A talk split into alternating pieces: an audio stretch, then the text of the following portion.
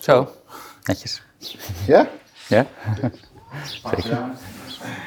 Wat zei je? Ik zeg pak je aan. Pak je aan. Ja. Ja, Wil jij een Bijbel? ja fijn. Kleintje? Kleintje is goed. Oh, een hele stapel zie ik daar. Hallo. Hoi. Hoi. Hey Annemarie. Ja, jullie ook. Wat zei ze nou? Goede aandacht. Goede aandacht. Ja. Hallo. Oh.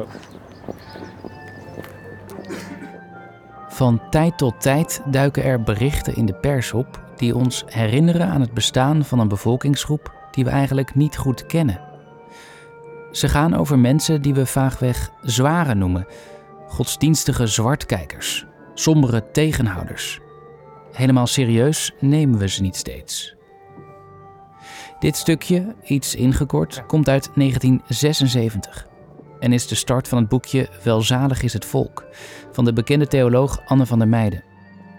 Toen ik maanden geleden startte met onderzoek voor deze podcast, was dit zo ongeveer het eerste wat ik las.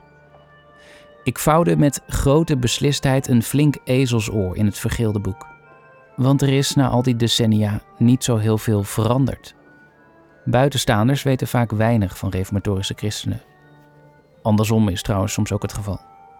We leven voor een deel in heel verschillende werelden. De Nederlandse muziekgroep Bovenste Knoopje Open maakte een heel treffend liedje over het niet kennen van de ander.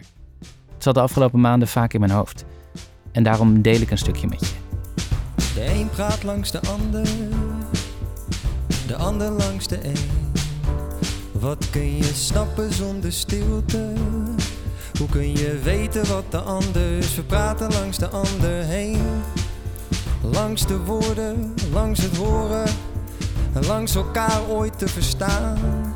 Je kunt niet praten over weten, want je weet niet waar vandaan. De ander, de ander langs de een en de een praat langs de ander, de ander langs de een en de een praat langs de ander, de ander langs de een. Praat langs de ander, de ander langs de een. Ja, het werd vaak gezegd. We leven wel in de wereld, maar we zijn niet van de wereld. En gij geheel anders.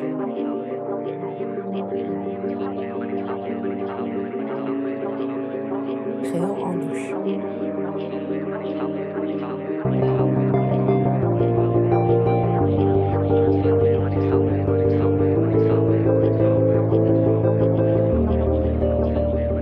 Mijn doel met dit project was om te snappen, doorvoelen hoe het is om een reformatorische christen te zijn. Vooral ook in een samenleving die steeds verder ontkerkelijkt. In deze slotaflevering breng ik bevindingen samen en probeer ik een aantal conclusies te trekken.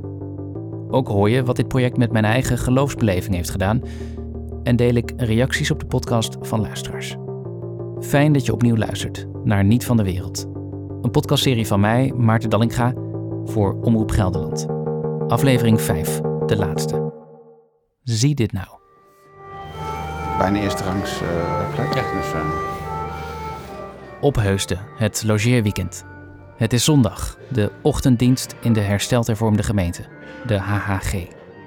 Ik zit in het houten kerkbankje naast vader Ruud. als de orgel stopt, dan stopt meestal precies om uh, 12 voor 10, dus 11 voor 10. Ja. Ja, dan, als die precies stopt, dan eh, komt dominee en ouderlingen binnen. Dus die gaan op de, dominee op de preekstoel staan, ouderlingen in hun bank zitten. En dan uh, stilgebed en dan de dominee met eh zegen uitspreken. En dan wijst het zich een beetje van zichzelf. Ja, dat hadden we het boekje mee moeten nemen, want daar staat het in. Het stappenplan. Op de oudste zoon na, die in Rotterdam woont, is de familie compleet. Dus vader, moeder, vijf kids. Allemaal op een rij. Maar hoor ook wel van collega's zo die gemeentes hebben waar ze dan zeg maar 14, 15 niet meer meegaan. Om dan weer wel te gaan, is best een hele grote stap op die leeftijd. Dus ik zeg ook tegen de jongens altijd van ja weet je, God werkt door zijn geest, dus blijf gewoon luisteren. En eh, ja, ja kom, blijf onder het woord komen. Daar is, daar is het waar het gebeurt, zeg maar. Onze hulp en onze verwachting is in de naam des die hemel en aarde gemaakt heeft, die trouw houdt van geslacht tot geslacht en die leeft tot in der eeuwigheid. En die niet laat varen de werken van zijn handen. Amen. De dominee draagt een zwart kostuum. Onder de gemeenteleden is soms wat kleur te zien. De HHG is wat minder streng dan bijvoorbeeld de gereformeerde gemeente. Wel dragen de meeste vrouwen een hoed, zo ook Lianne en haar dochters. De gemeente zingt psalmen op hele noten.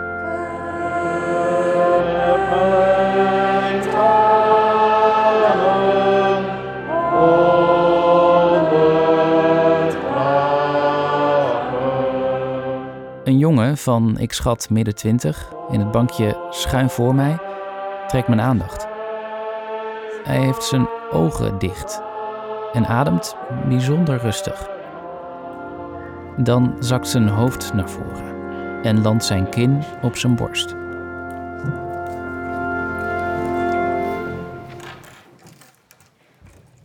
Na het zingen ontwaakt de jongen weer. Op de klanken van de dominee valt hij vervolgens weer in slaap. Zijn armen over elkaar, benen opgetrokken, tussen zijn knieën en het bankje voor hem een bijbeltje geklemd. Ik wil graag mijn ding doen. En gemeente, dat is de grote, grote valkuil. De dominee preekt over wereldse verleidingen. Hij zegt: Jezelf zijn, dat is niet wat de Heer van je vraagt. Kom tot mij, zegt God, en word behouden. De terugweg naar huis. Ik vind dat ook wel eerlijk dat hij mensen bemoedigt, maar tegelijkertijd ook durft, dingen durft te zeggen die, pa- die, die niet leuk zijn om te horen. Die ja. schuren, zeg maar. Ja. Ik denk dat dat ook de rol van een predikant is, zeg maar. Het is- Het is niet alleen maar om mensen een schouderklopje te geven. Ja, je hebt het gewoon elke keer weer nodig, omdat je het, wat hij ook zei, eh, op een gegeven moment gewoon wat makkelijk wordt en wat lauw. Het wordt en weer wat- even wat meer op scherp gezet. of zo. Ja, dat. Ja.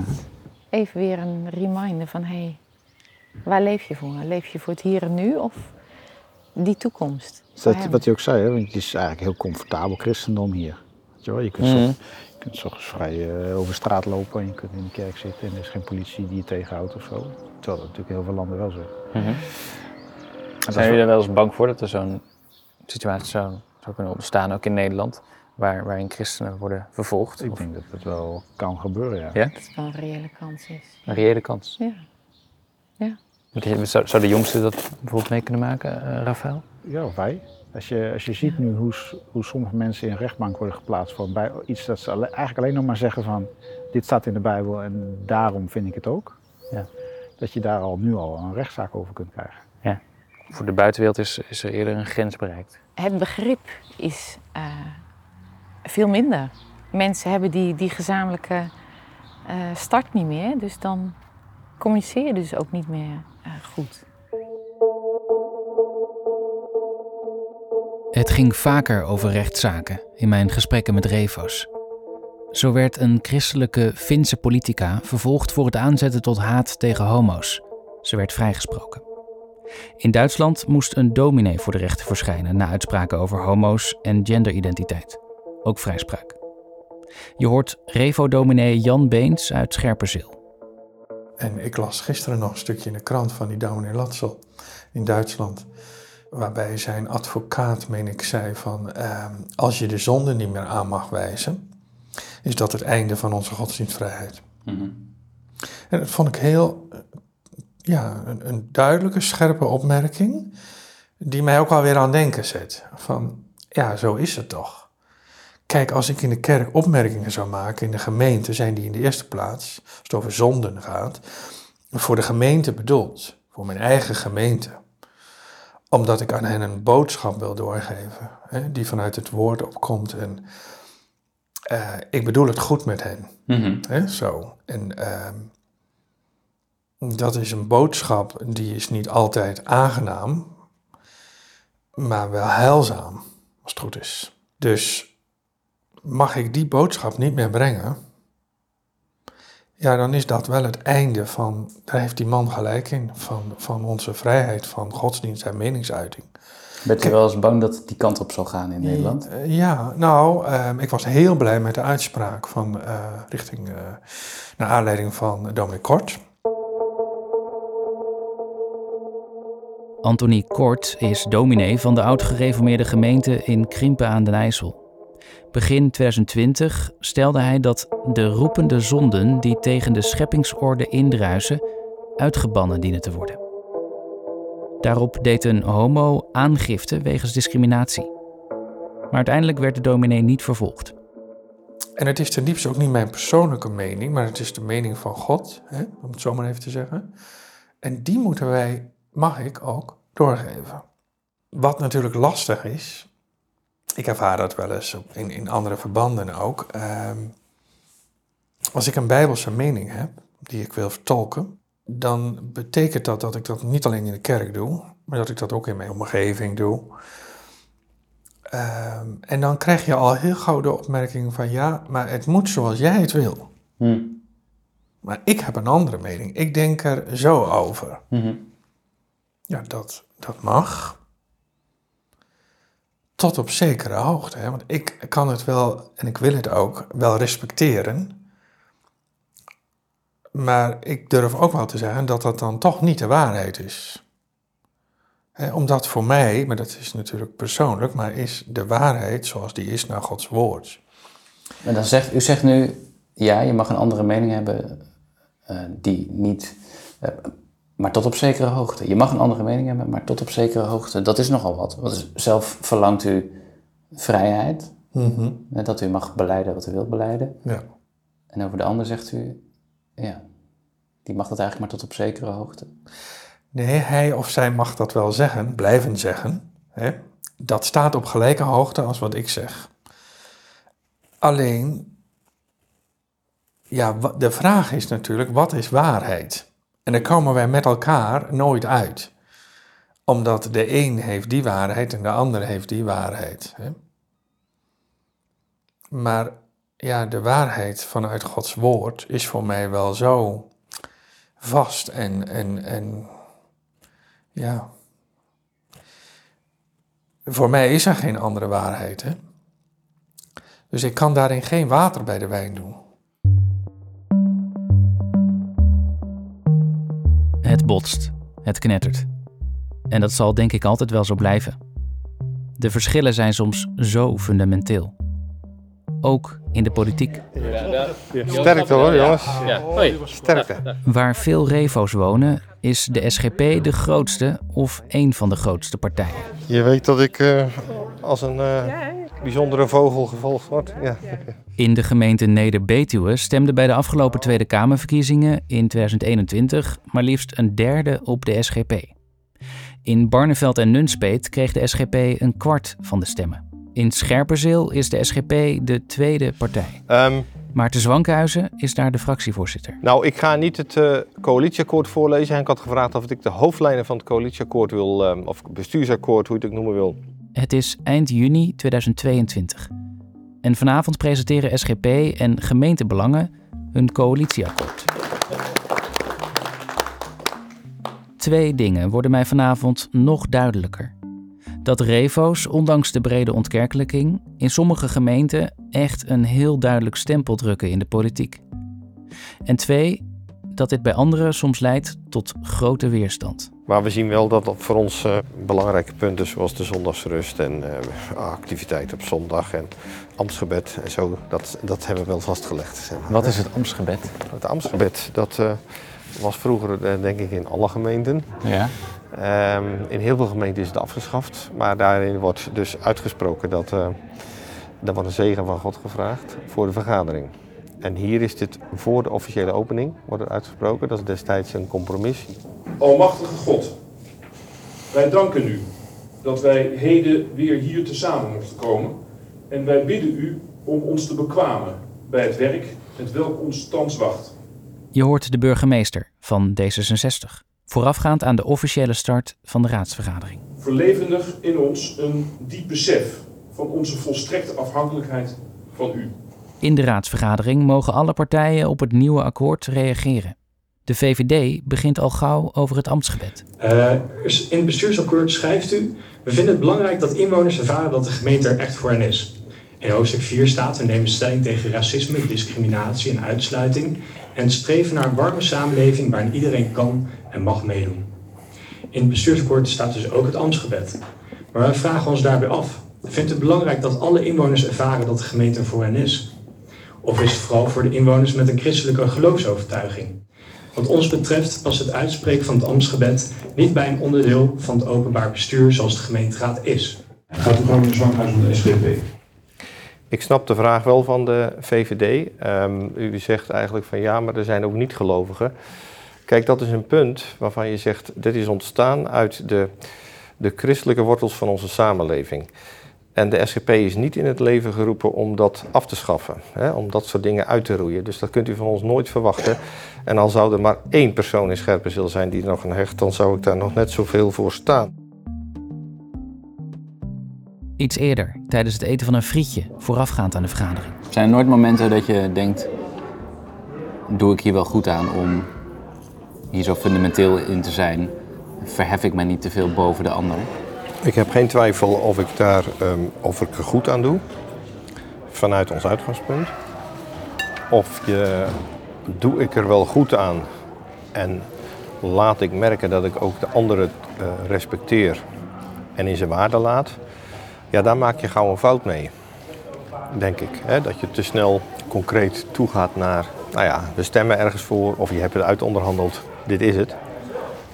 Terwijl dat je dan nog alles kan vergeten, dat het ook gaat om mensen, met een hele andere achtergrond. Maar dat is heel lastig. Als je rotsvast overtuigd bent, dan heb je ook de neiging om het massief neer te zetten. Terwijl dat je juist ook in de woordkeuze uh, heel veel begrip kan kweken.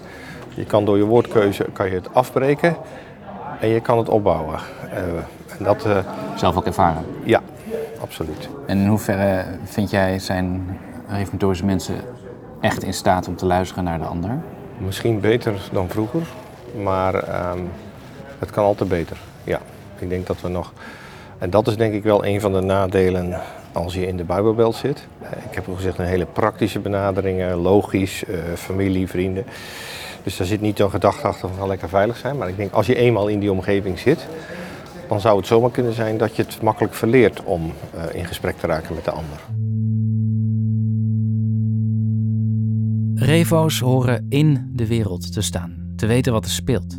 Maar ze horen niet van de wereld te zijn. Ze moeten zich afzijdig houden van zondigheden. Hoe is de praktijk? Zo aan het einde van dit project probeer ik antwoorden te formuleren. Maar ik ga geen harde uitspraken doen, want ik zei het al eerder: de Revo bestaat niet. En ik deed geen wetenschappelijk onderzoek. Dat gezegd hebbende, in hoeverre staan Revo's inderdaad in de wereld?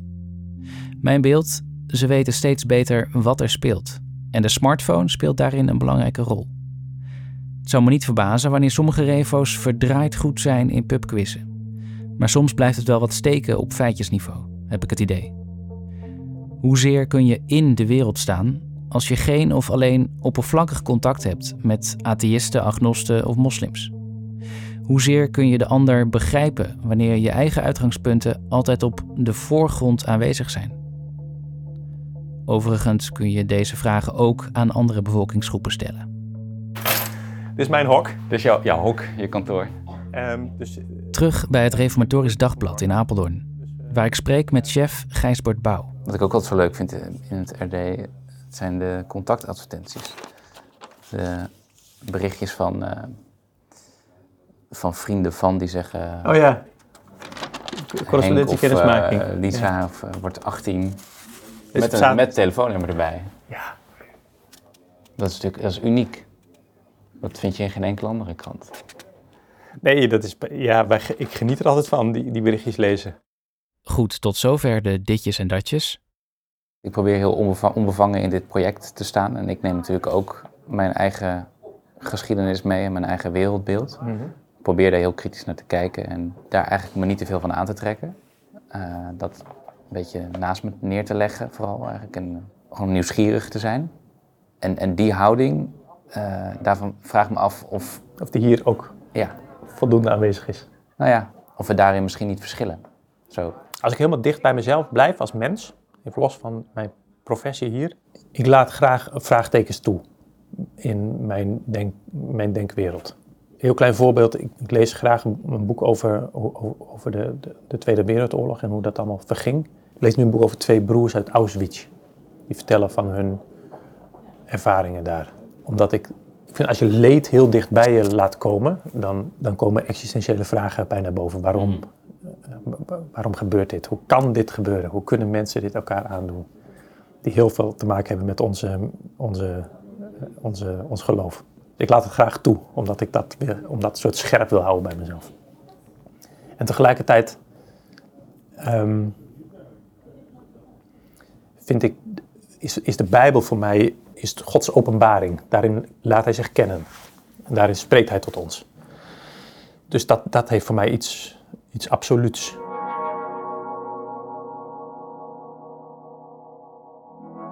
En zo eindigt zo'n beetje ieder gesprek over dit onderwerp.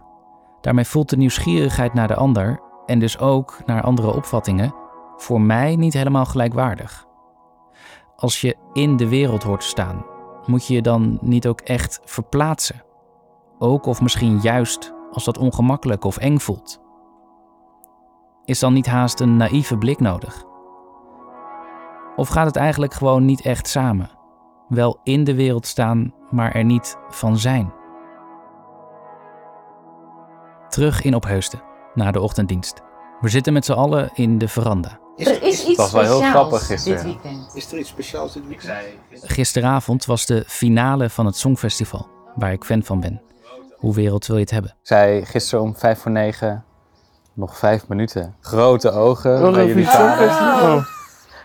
Ja, elfde plek hoorde ik. Ja. Ik heb nog wel naar de uitslagen gekeken. Ja. Ben je zo fan?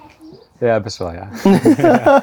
Juliana zei, oh je mag wel thuis bij ons gaan kijken hoor, zei ze Ja. tegen hem. Niet gedaan hoor. Nou ja, dus boven heel even. Boven even. Ja. Ja. Ik had het wel mooi gevonden als Ruud en Lianne hadden gezegd: joh, laten we gewoon met elkaar gaan kijken. Maar dat deden ze niet, want leeg vermaak en kans op zondige teksten en beelden. Ik snap hoe zij er tegenaan kijken, maar toch. We hadden elkaar misschien dan op een nog dieper niveau kunnen ontmoeten.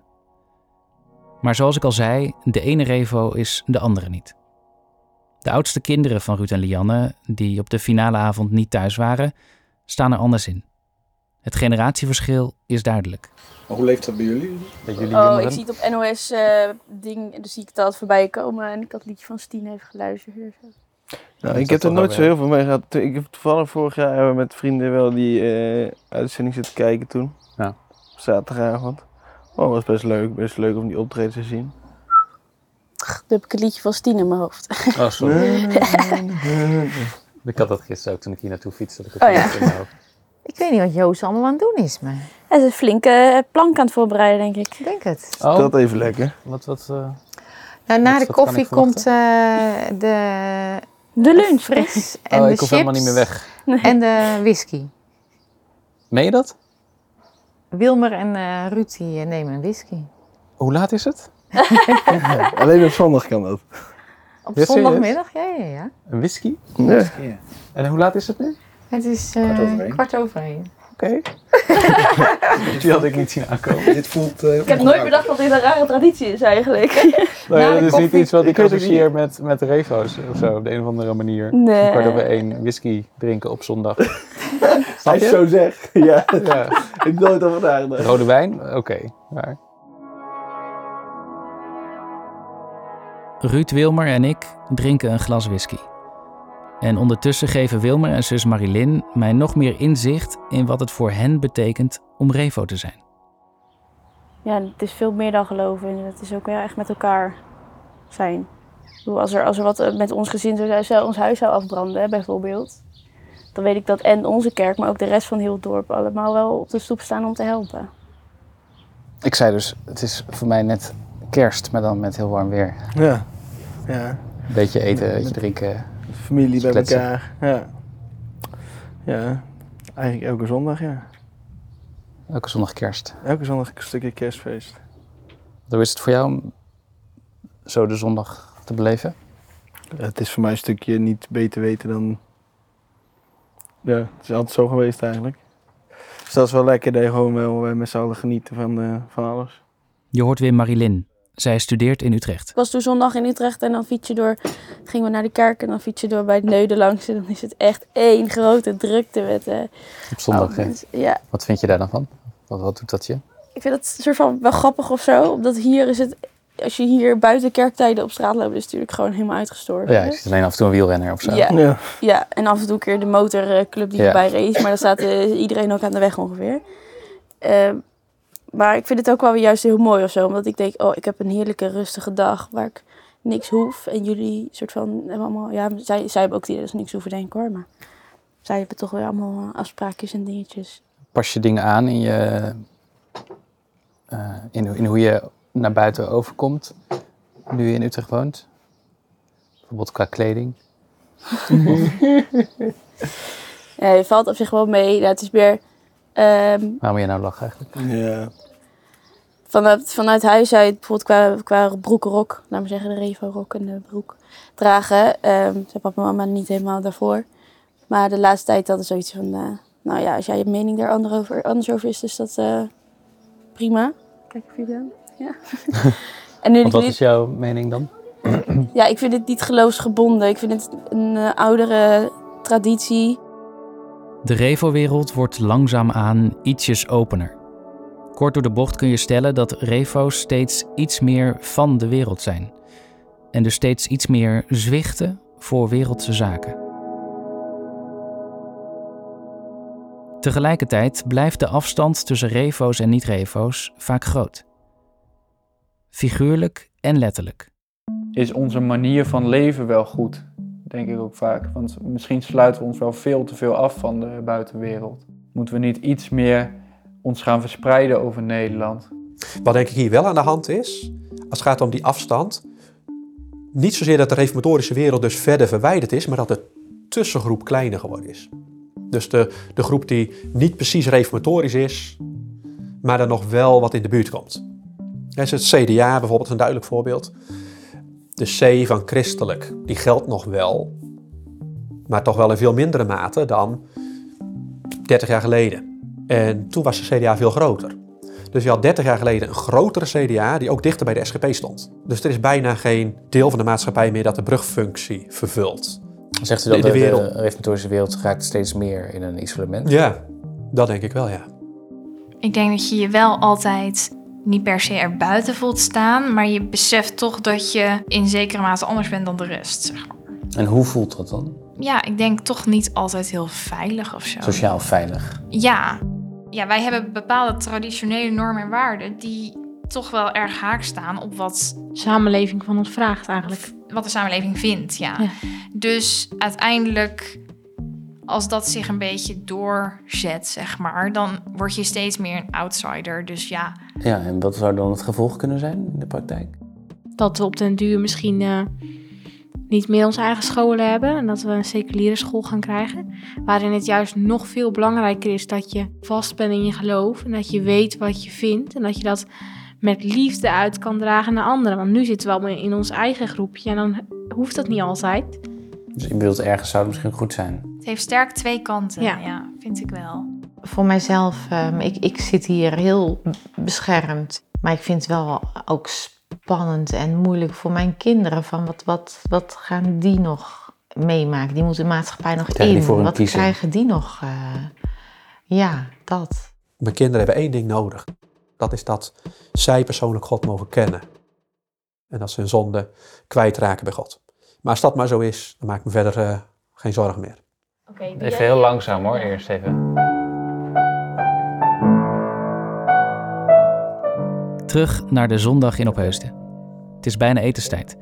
En ik zit met Marilyn nog even achter de piano. Nee, het is, eh, een B. Ik ervaar hier de warmte van het samen zijn, waar Revos het zo vaak over hebben. En de rust die het geloof kan brengen. Tegelijkertijd sprak ik ook mensen die zich helemaal niet thuis voelden in de Revo-kring. Kleur je niet binnen de lijntjes, ben je bijvoorbeeld homo, dan kun je er buiten vallen. Buiten je gezin en buiten de gemeenschap. De Revo-wereld heeft niet één gezicht. Eh, we moeten gewoon hele noten doen, dat is makkelijker. Ja, dit is hele noten. Dus- ja, precies. Ja, ja.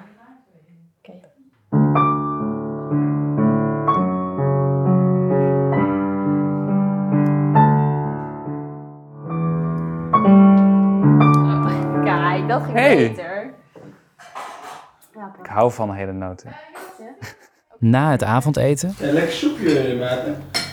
Nou ja, Ja. je moeder hoor. volgt nog meer muzikaliteit. Ieder gezinslid kiest een lied om met elkaar te zingen. hey, maar, ehm, wij gaan eindigen, wij gaan altijd zingen. Dus ehm, bij deze. Mooi. Ja. Uh, heeft gekozen voor Hoor de Vogels zingen. Hoor de vogels zingen weer, wat doe jij, wat doe jij? Samen danken zij de Heer, wat doe jij? Dank de Heer voor elke dag. Even later wandelen we voor de tweede keer die dag naar de kerk. Ditmaal neem ik met een zendertje ook de stem van dominee Ron van der Kamp op. Dan zal ik hem in mijn andere zak doen.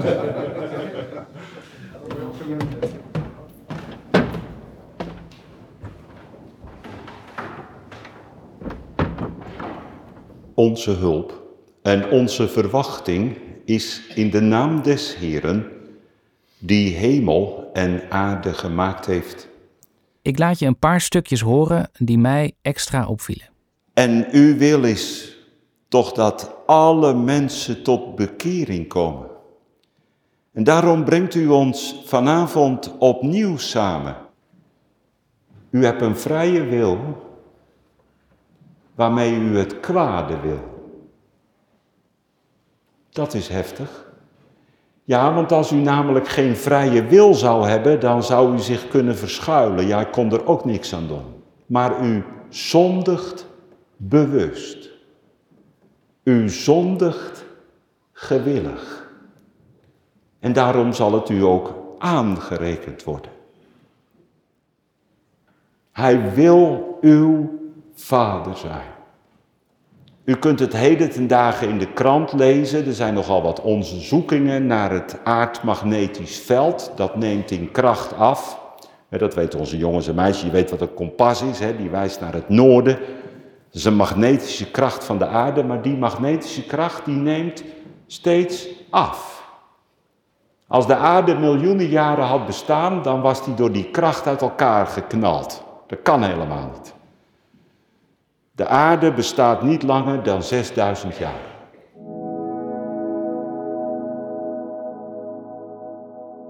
Ik heb dit fragment voorgelegd aan Cor Langerijs, prominent aardwetenschapper aan de Universiteit Utrecht. Hij noemt de bewering klinkklare nonsens en stelt dat de aarde ruim 4,5 miljard jaar oud is. Het aardmagneetveld neemt nu weliswaar inderdaad af, schrijft Langerijs, maar dat is een normale fluctuatie. Het veld is soms veel sterker geweest, maar de aarde heeft dat moeiteloos overleefd. En het aardmagnetisch veld kan de aarde sowieso niet uit elkaar laten knallen. Daar heb je een flinke botsing met een groot object, zoals een andere planeet, voor nodig. Einde citaat. Dominee van de Kamp zegt later tegen mij dat hij de reactie kort door de bocht vindt en weinig onderbouwd.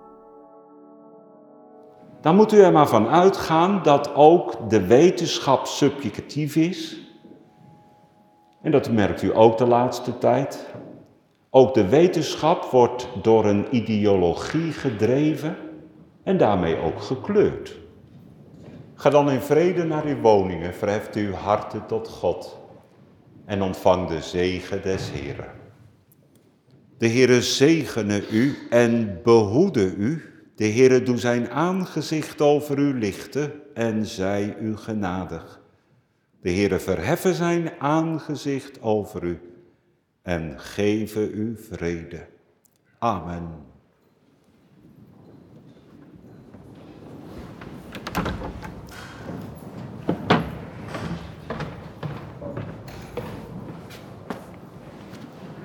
God zegen. Wat vonden jullie van eh, de uitspraak van de dominee dat de aarde niet langer dan 6000 jaar bestaat? Ja, daar ben, daar, ik weet ook van de, dat er ook best wel discussies over zijn. Of je dat kon combineren, de evolutie en die. Maar ik moet heel eerlijk zeggen, ik heb er zo weinig in verdiept dat ik voor nu geloof dat de aarde inderdaad 6000 jaar bestaat. Ik was laatst in Naturalis, ken je dat? Ja. Museum in Leiden. Ja, als je daar dan rondloopt, ja, dan denk ik, ja, dat de aarde is gewoon veel ouder. Ja. Ik bedoel, In dat hele museum Ja. eh, wordt daar bewijs voor geleverd.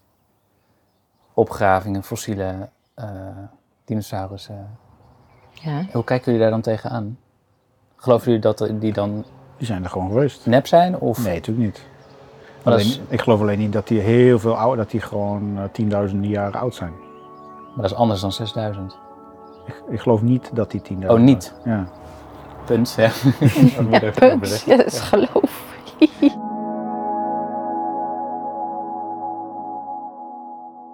Ja, dat is geloof. En hoe je zo kunt geloven, dat ben ik echt wel beter gaan begrijpen. Maar toch blijft het voor mij nog steeds wel een beetje een ver van mijn bedshow. Zoals ik in een interview met het Reformatorisch Dagblad zei, op dit moment ben ik te rationeel om te kunnen geloven, denk ik. Ach, wie weet ontmoet ik God plots opnieuw, later vandaag of morgen. Veel luisteraars wensen mij dat toe. Zo schrijft iemand: We hopen van harte en gunnen jou van harte dat je al je vragen bij de Here neer zal leggen. Een andere luisteraar zoekt den Here en leeft. En weer iemand anders: Wij hopen dat je de waarheid vinden mag. Mensen, zie dit nou. Dit, dit, dit staat er. Hij Ja. is er. Ik gun jou heel veel inderdaad zekerheid. Maar jij, jij moet toch eerst zelf die weg gaan. Mhm. Zoeken. En waar dat uit leidt, toe leidt, dat weet ik niet. En ehm, nou ja, wij zijn nu op jouw pad. Wij hebben nu een taak. Als ik al opnieuw christen word, dan zie ik mezelf niet naar een Revo-kerk gaan. Nog één keer naar Lianne en homoseksualiteit. Want ons gesprek daarover op de fiets was nog niet klaar. Ik wil jou niet persoonlijk kwetsen. Dat zou ik heel erg vinden. Dat niet. Desalniettemin snap ik dat het schuurt met wat ik, waar ik achter sta. Nee, ik vind dat, ik blijf het ingewikkeld vinden, ja. Wat als het, hè, die, Ja. die vraag Ja. stelde jij jezelf eigenlijk. Wat als een van onze kinderen thuis komt Mhm. eh, en zegt, ik, ik, ik ben homoseksueel of Ja. lesbisch of biseksueel of Ja. iets anders. Nee, je zei, dan zal ik mijn kind niet het huis uitzetten. Nee. En toen waren we volgens mij bij de ijssalon. Ja. ik voel me nog wel af, ja, wat dan wel? Ja, wel, wel blijven liefhebben. Als eerste. Mhm. Ehm, ik wil ook. Onze kinderen zijn niet heilig. Die maken ook keuzes die ik niet goed vind. En eh, de, wat ze doen, dat keur ik niet goed, maar de persoon zelf keur ik niet af. Ja. En dat Ja, is best nou als- heel lastig. Wat nou als een van je kinderen, eh, net als ik, een relatie zou hebben dan eh, met iemand van hetzelfde geslacht? Mhm. Zeg ja, pap, mam, dit is hoe ik het wil, hoe Ja. ik mijn leven wil inrichten. Ja, best een heel dilemma. Ja? En wat is het dilemma dan? Waar moet je dan Ehm, tussen kiezen? Nou, van in, in hoeverre eh, de persoon zelf eh, hou ik van. Maar in hoeverre ga ik hier ehm, eh, steeds weer wat van zeggen of juist niet? Ehm, het gesprek aangaan of juist niet? Ehm, stel dat, dat ze echt willen gaan trouwen, wat, wat doe ik dan? Eh, Mhm. Als ik daarbij aanwezig ben, keur ik het dan meteen goed? Of, ehm, Mhm. nou, dat vind ik heel lastige dingen. Jij dan eigenlijk? We hadden het hier over op de fiets. Dat Hmm. nou, kwam ter sprake. Wat Lianne zegt, dat, zo ervaar ik dat zelf ook wel. Ja. Ik bedoel, je, je kind wil je nooit kwijt, dus... eh. En het is ook niet zozeer of het homo is, denk ik. Het is eigenlijk over alle dingen van God, die God gegeven heeft. Hè? Dus stel dat onze zoon zegt van, pa, maar ik heb een vriendin, ik ga ongetrouwd samenwonen, zeg maar. Dat zou voor mij van dezelfde categorie Mhm. zijn als iemand Ja. zegt, hey, Ja. ik heb een eh, vriend en ik ga, eh, ga samenwonen of trouwen.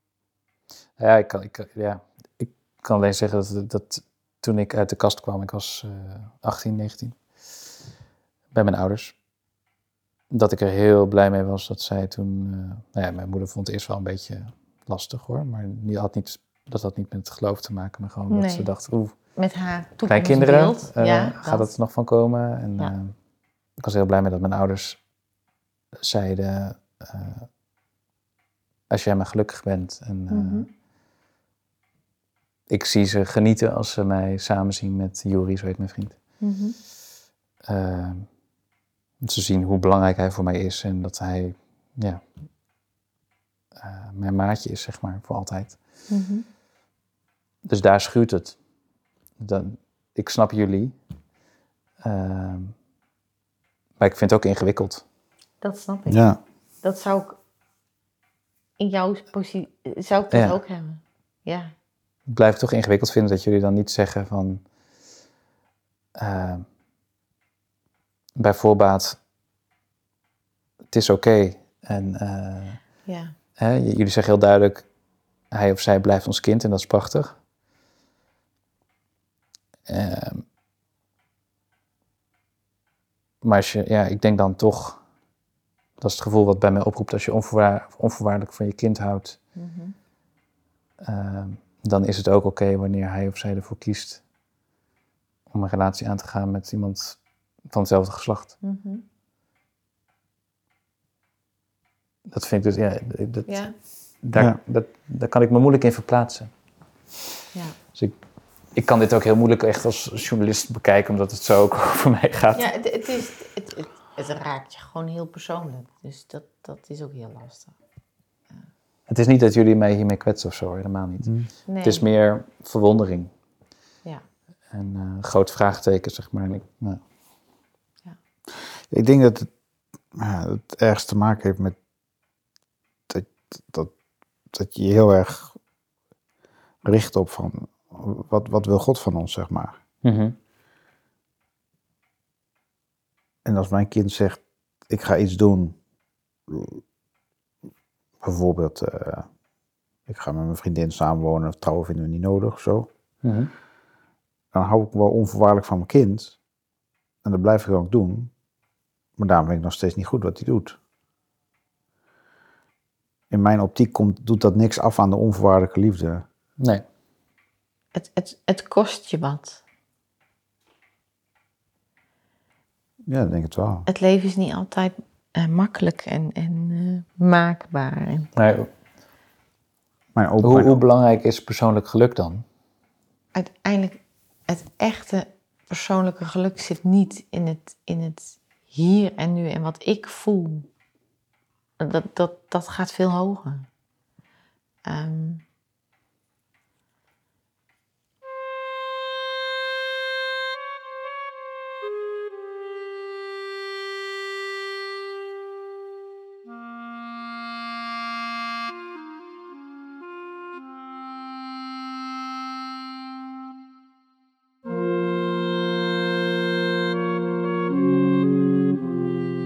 Tussen revo's en niet-revo's zal het onvermijdelijk blijven schuren. Maar wat nu als we iets meer naar elkaar proberen te luisteren? Theoloog Anne van der Meijden schreef in 1976: Wie steeds omhoog kijkt, vergeet de aarde. Wie steeds in zichzelf kijkt, vergeet de naaste.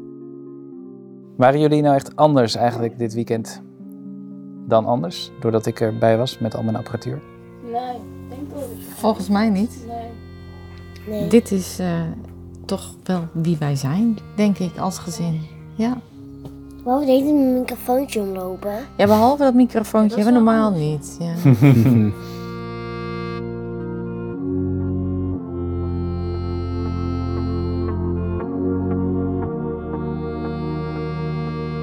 Dit was de laatste aflevering van Niet van de Wereld. Een podcast van Omroep Gelderland, bedacht en gemaakt door mij, Maarten Dallinga.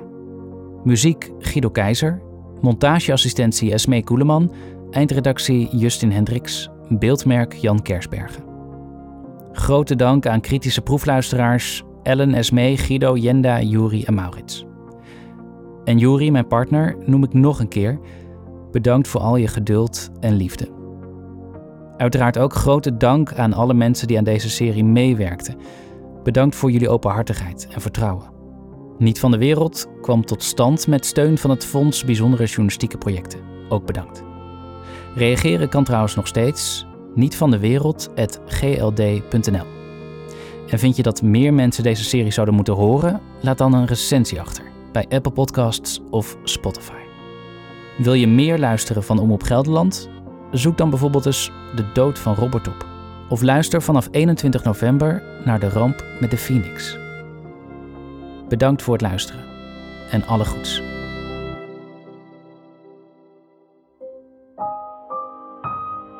to me, you know, the, the thing that makes me cry just thinking about it, they were just a few miles away from their final destination. Can you imagine? 175 jaar geleden verliet een grote groep achterhoekers huis en haard om een nieuw bestaan op te bouwen in Amerika. waren landarbeiders. En ze moesten zich doodwerken elke, elke dag weer om, om eten genoeg te hebben. Ja, en als mensen dan horen dat het eh, in Amerika gewoon vele malen beter is, dan kan ik het toch veel beter eh, aan de overkant proberen. Na een reis van 7500 kilometer vloog hun schip, de Phoenix, plotseling in brand. 154 Nederlandse migranten kwamen om in het ijskoude water van Lake Michigan. It had to be a really tough, rude awakening to America. These people died. Het raakt familieleden van overlevenden nog tot op de dag van vandaag. Maar waarom kent verder bijna niemand het verhaal van de Phoenix? Als ik dat zeg, de ramp met de Phoenix, zegt u dat wat? Nee, nee, helemaal niks. Ik zou het echt niet weten. Eh, Ik heb het ook nooit gehoord of geleerd op school eigenlijk. Nee. Stories get lost. Seeing as my grandma came out of here, it's like she lived through that. So, so maybe it's a good thing people keep this story going. So, because it did happen. Waarom liep de Achterhoek 175 jaar geleden leeg met mensen die hun heil zochten in Amerika? Hoe kon de ramp gebeuren? Zat de familie van mij op het schip en is het wrak ooit gevonden? In de podcast volg je mij, Joske Meerdink, in iets wat ik achteraf rustig het avontuur van mijn leven kan noemen. Oh, ze gaat bijna. Ja, daar gaat ze. Daar gaat ze, daar gaat ze.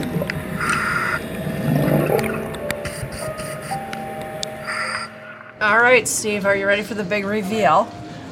So there it is. Can you? Oh yeah. Your podcast made us take a good look at it, and now we know. De ramp met de Phoenix. Een podcastserie van Omroep Gelderland vind je vanaf 21 november in je podcast-app en op gld.nl.